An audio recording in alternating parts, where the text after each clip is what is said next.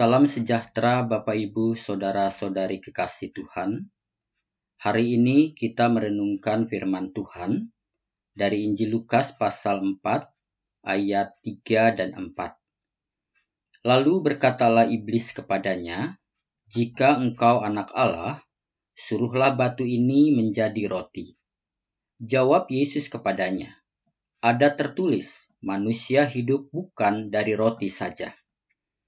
Bapak Ibu, saudara-saudari kekasih Tuhan, pada minggu-minggu Prapaskah kita umat Kristen pada umumnya menjalani puasa dengan berpantang atau menahan diri melakukan hal-hal yang memuaskan keinginan duniawi agar dapat mengutamakan melakukan kehendak Allah.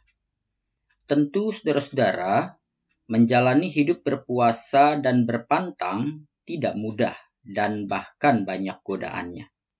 Karena sehari-hari kita terbiasa melakukan apa-apa yang menjadi kehendak atau kemauan kita. Dan pada masa berpuasa, justru kita harus belajar menahan diri terhadap keinginan, kebiasaan, dan perbuatan yang mungkin memberi kenikmatan pada diri kita.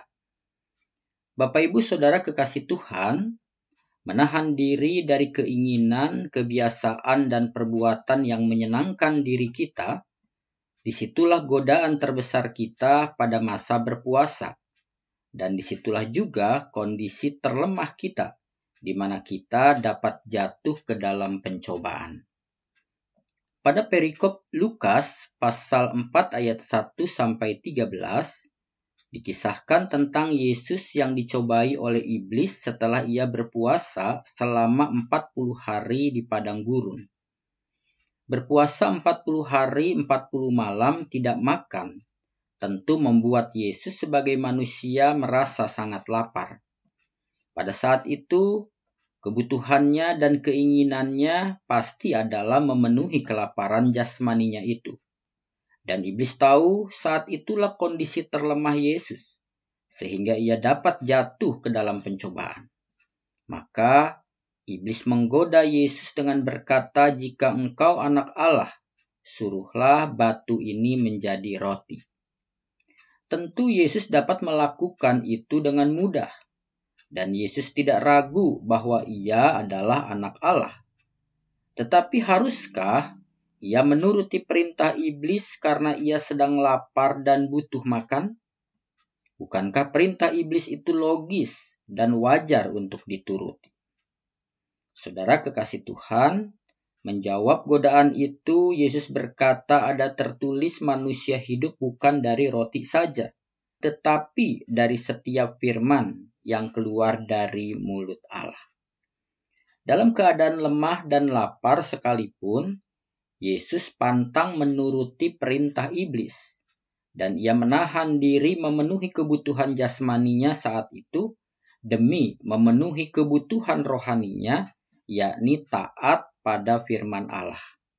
Dan ia mengalahkan godaan iblis dengan setiap firman yang ia kutip dari kitab suci, yaitu kitab ulangan. Saudara kekasih Tuhan, sepanjang minggu-minggu prapaskah ini, marilah kita belajar menahan diri melakukan hal-hal yang selama ini mungkin hanya menyenangkan diri sendiri dan memuaskan keinginan diri saja. Agar kita belajar mengutamakan kehendak Allah dengan melakukan firman-Nya, menyatakan kepedulian bagi sesama di sekitar kita. Dan marilah kita pantang melanggar firman Tuhan apa pun alasannya. Kiranya firman Tuhan menerangi hati kita dan roh kudus menolong kita setia dan taat pada firman-Nya. Sehingga hidup kita berkenan kepada Bapa di sorga.